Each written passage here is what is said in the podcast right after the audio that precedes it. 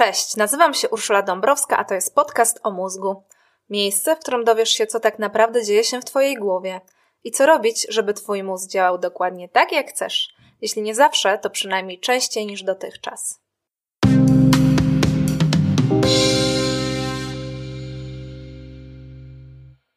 Zanim przejdę do meritum, chcę Cię poprosić o zalajkowanie lub obserwowanie strony podcast o mózgu na Facebooku. Możesz też dołączyć do newslettera na stronie www.urszuladabrowska.pl. Jeśli ten odcinek przypadnie Ci do gustu, poleć go znajomej lub znajomemu. Bardzo mi zależy, aby wiedza o mózgu trafiła do jak największej liczby zainteresowanych. Pomóż mi w tym, jeśli możesz. W dzisiejszym odcinku będzie dużo achów i ochów. Będę się zachwycać i rozwodzić o tym, co w mózgu jest najwspanialsze – najbardziej wybitne, genialne, niezwykłe i cudowne. Opowiem Ci o płatach czołowych. To jest właśnie to, co dziś mnie tak emocjonuje i Ciebie też powinno, bo jeśli zdarza Ci się zrobić w życiu coś naprawdę ekstra, to właśnie dzięki płatom czołowym w Twoim mózgu. Ale zanim do tego przejdziemy, najpierw spora dygresja. Na początku tego odcinka zapraszam Cię do kącika literackiego. Zaczniemy nietypowo, bo od polecajki książkowej.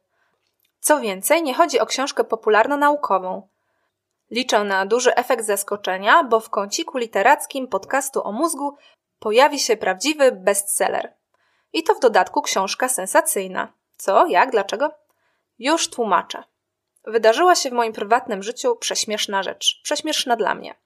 We wrześniu miałam wyjechać na długi urlop – jak pewnie dobrze wiesz, urlop to taki przyjemny, spokojny czas, kiedy można wreszcie nadrobić zaległości z pracy.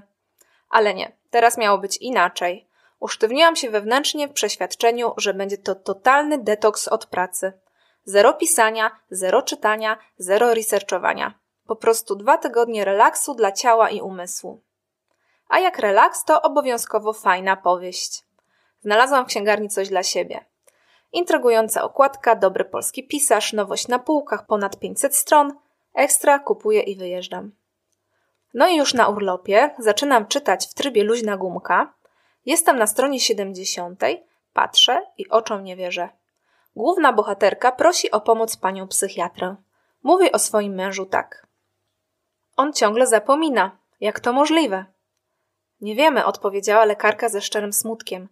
Jak się czyta dodatek naukowy do Newsweeka, że amerykańscy naukowcy wszczepili elektrodę myszy, dzięki czemu wciska czerwony guzik, jak jest głodna, albo że inny obszar naszej kory mózgowej jest aktywny, gdy myślimy o tenisie, a inny, gdy o piciu kawy, to już właściwie wszystko wiemy i zaraz będziemy wgrywali świadomość do internetu.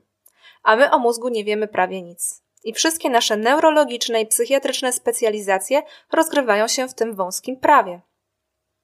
Ja tak czytam te wywody na urlopie i myślę sobie, kurcze pieczone, od przeznaczenia nie uciekniesz. Jak masz zajmować się mózgiem, to on cię dogoni nawet w rozrywkowej powieści. Taki pstryczek w nos od losu. Najpierw przebolałam, że na urlopie czy chcę, czy nie chcę zajmuję się mózgiem, a potem zaczęłam myśleć o tym, co właściwie fikcyjna pani doktor twierdzi. Że wiemy, że nic nie wiemy. Okej, okay, ja się w pełni zgadzam, że mózg to nadal wielka niewiadoma i właśnie dlatego jest on taki fascynujący. Nie wiem jak ty, ale mnie to bardzo kręci, że jesteśmy właśnie na tym etapie historii, gdy odkrywamy nieznane lądy. Już nie te na kuli ziemskiej jak Vasco da Gama, tylko nieznane obszary i funkcje w naszej głowie. I potem czytamy dalej wywód pani psychiatry. Mózg to hiperaktywne 100 miliardów neuronów, w których połączenia elektryczne zmieniają się z prędkością światła. To trochę tak, jakbyśmy chcieli narysować mapę świata, w którym miasta, morza i kontynenty bez przerwy zmieniają miejsce – a potem jeszcze podróżować według tej mapy. No i tak, mam do tego właściwie jeden komentarz. Poznawanie mózgu to naprawdę zuchwały pomysł, ale my jako ludzkość uwielbiamy takie projekty. Obiecuję, że w podcaście o mózgu będę sumiennie zdawać relacje z postępów tego przedsięwzięcia. Jak bardzo karkołomne i szalone by nie było. A tymczasem jeszcze trzy słowa o książce, z której wzięłam cytaty. To kwestia ceny Zygmunta Miłoszewskiego, Wydawnictwo WAB. Polecam tę książkę z wielu powodów. To po prostu fajna, wciągająca powieść sensacyjna. Akcja jest szybka, zwinna, kolorowa, a do tego wdzięcznie okraszona wiedzą popularno-naukową. I uważam, że to właśnie jest super. Jest tu nie tylko neurobiologia, ale te, także genetyka, mikrobiologia, a nawet kosmologia. No i wypada zaznaczyć, że nie jest to polecajka w żaden sposób sponsorowana, tylko moje szczere uznanie dla tej powieści.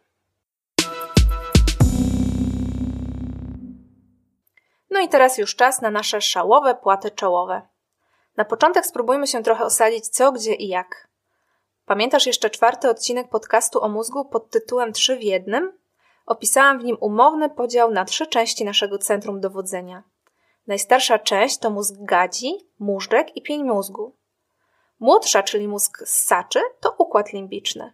Z kolei najmłodsza ewolucyjnie i najbardziej rozwinięta to kora mózgowa, zwana też korą nową, która leży jak wielki pofałdowany beret na tych starszych częściach. Kora mózgowa dzieli się na dwie połowy, prawą i lewą, a każda z tych połówek składa się z czterech płatów. Dziś skupimy się na płatach czołowych, a nawet jeszcze mniej, bo na płatach przedczołowych, czyli przedniej części płatów czołowych. No i jeśli cię zgubiłam, to nie ma sprawy, zróbmy inaczej. Połóż sobie dłoń na czole.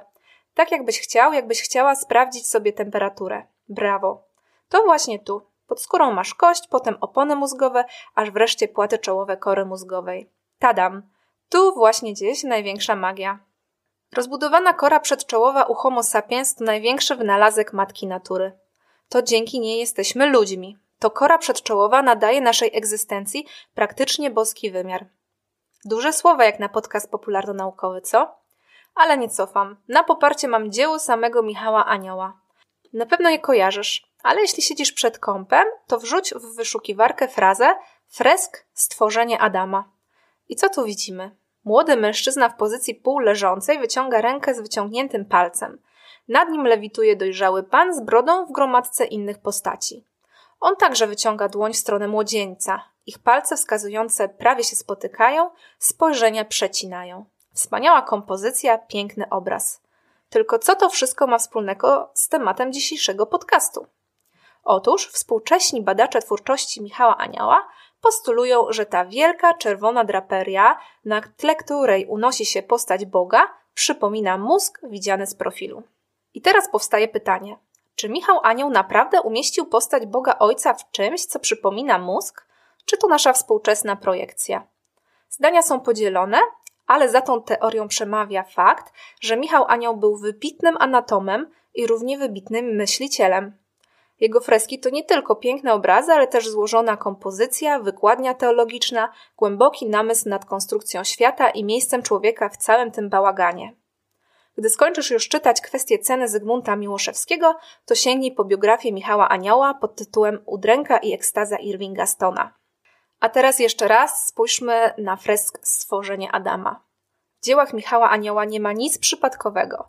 Spójrz, jak ułożone jest ciało Boga Ojca. Jego brzuch mieści się w środkowej części mózgu, głowa w części czołowej i ramię właśnie przez płaty czołowe, przez czoło sięga w stronę Adama. No nie wiem jak dla ciebie, ale dla mnie ten przekaz jest jasny. Boskie tchnienie bierze się właśnie stąd, z płatów czołowych, z naszego centrum wybitności. Miejsca, gdzie z niczego powstają myśli, a z myśli wszystko, co najlepsze na tym świecie. Nasze płaty czołowe to siedziba najbardziej złożonych, najbardziej wyrafinowanych i najbardziej wzniosłych aspektów ludzkiej psychiki. Pytanie pozostaje jedno: jak to możliwe, że Michał Anioł zrozumiał to wszystko już w XVI wieku? No cóż, to był prawdziwy geniusz. Jego płaty czołowe to musiało być Ferrari, Bugatti czy inna Tesla wśród płatów czołowych zwykłych śmiertelników. Dla porządku dodam tylko, że niektórzy widzą w tej czerwonej draperii nie mózg, ale macicę z odchodzącą z niej zieloną pępowiną. Mnie to nie przekonuje, ale to też zawsze jakaś interpretacja.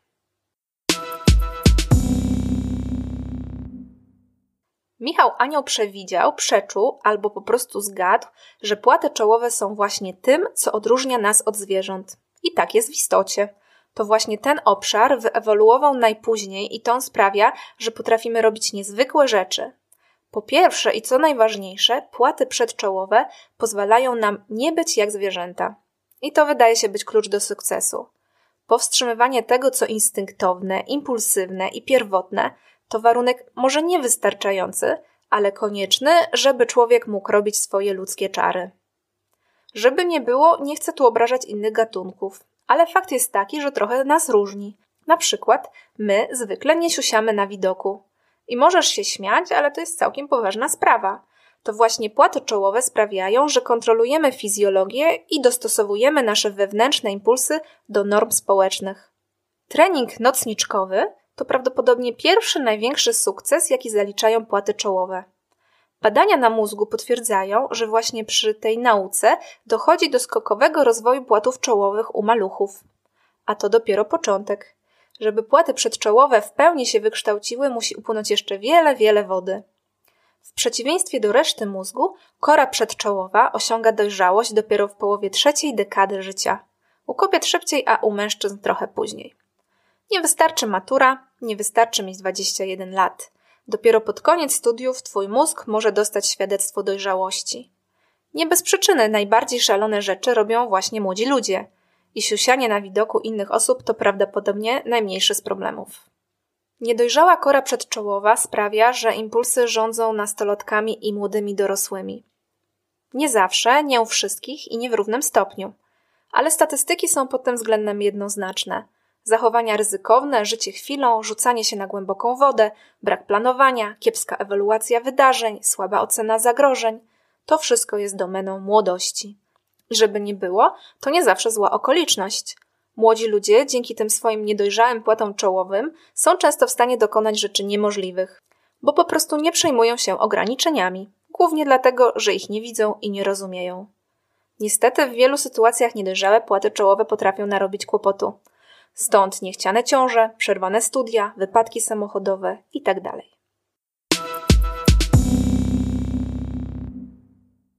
Gdy jednak płaty czołowe dojrzewają w odpowiednim stopniu, osiągamy maksymalne możliwości ludzkiego mózgu.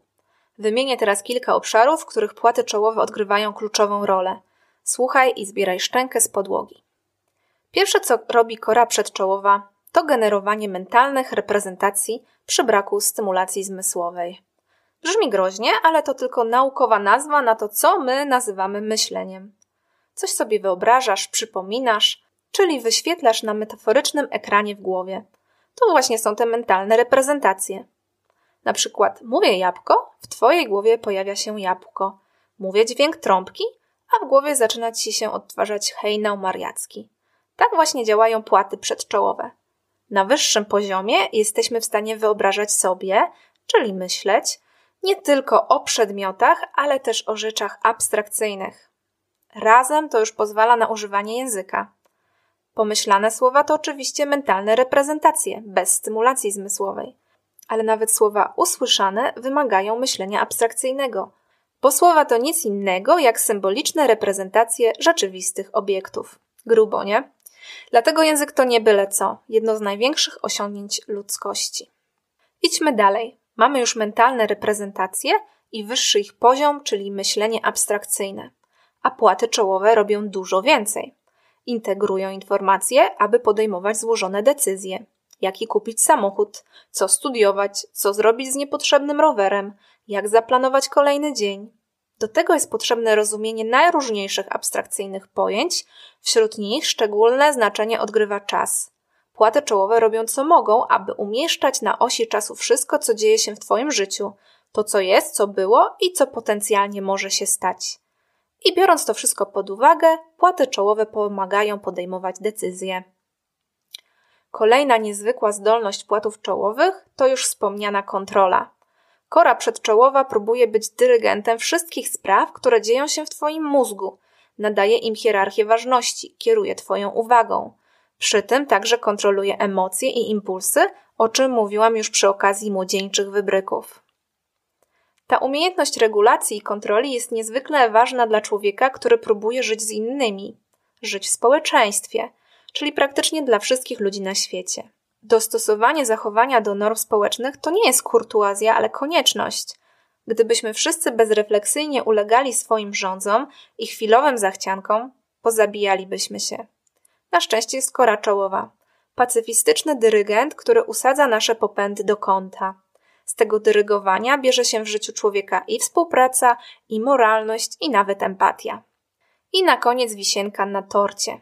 To metakognicja, czyli myślenie o myśleniu.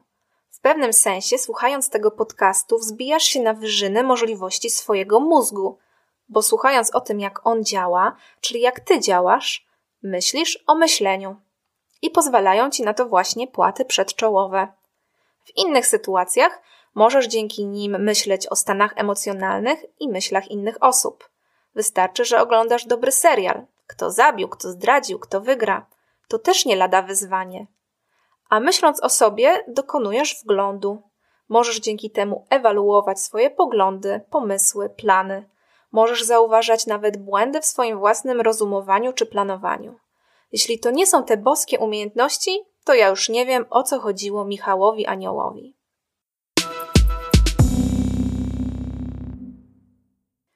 Płaty czołowe są niezwykłe, dają nam niezwykłe zdolności i są niezwykle chimeryczne.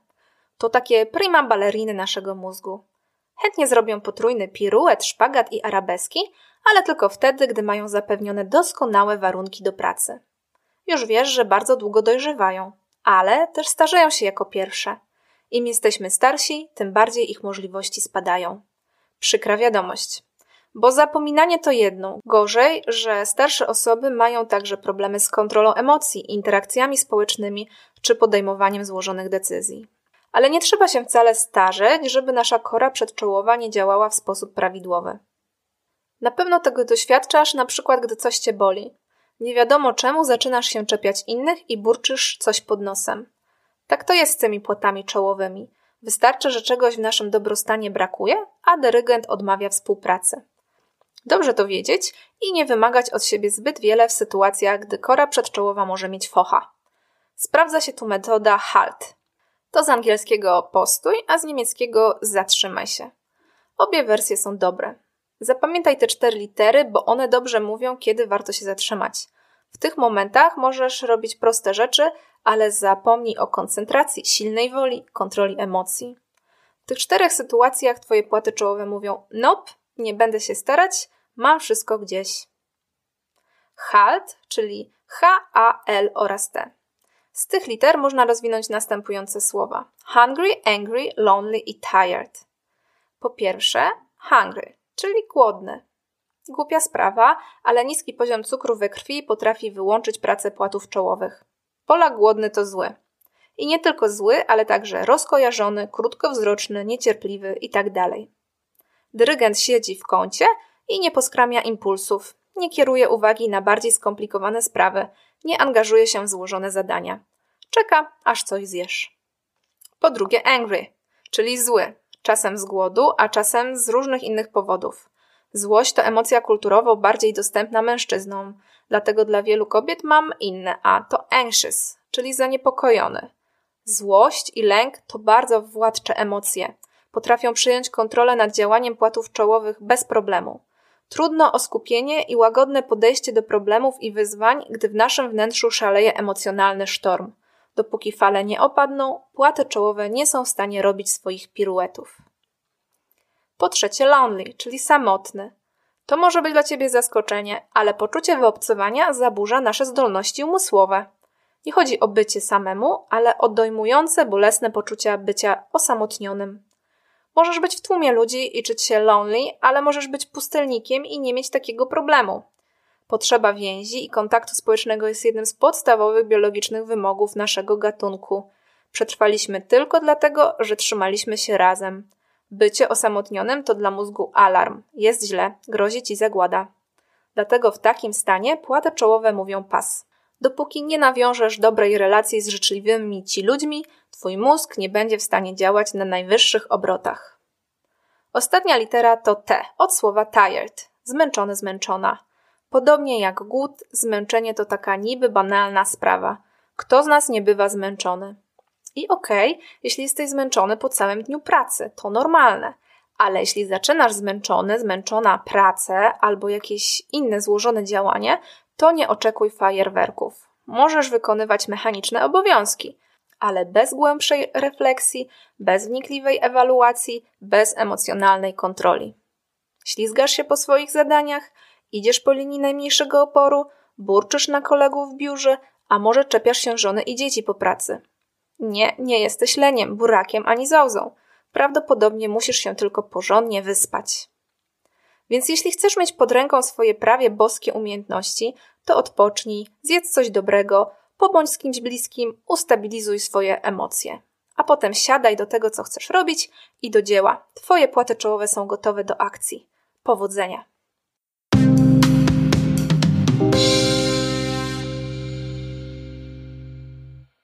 Dziękuję Ci za wysłuchanie tego odcinka. Jeśli chcesz więcej informacji na mój temat, zapraszam Cię na stronę www.urszuladabrowska.pl. Znajdziesz tam mojego bloga oraz opisy moich książek. Zapisz się do newslettera, a informacje o nowych odcinkach będą wpadać prosto na Twoją skrzynkę mailową. Podcast o mózgu jest także na Facebooku. Zapraszam do polubienia strony i kontaktu. Tymczasem do usłyszenia. Dobrego dnia, dobrej nocy. Ula.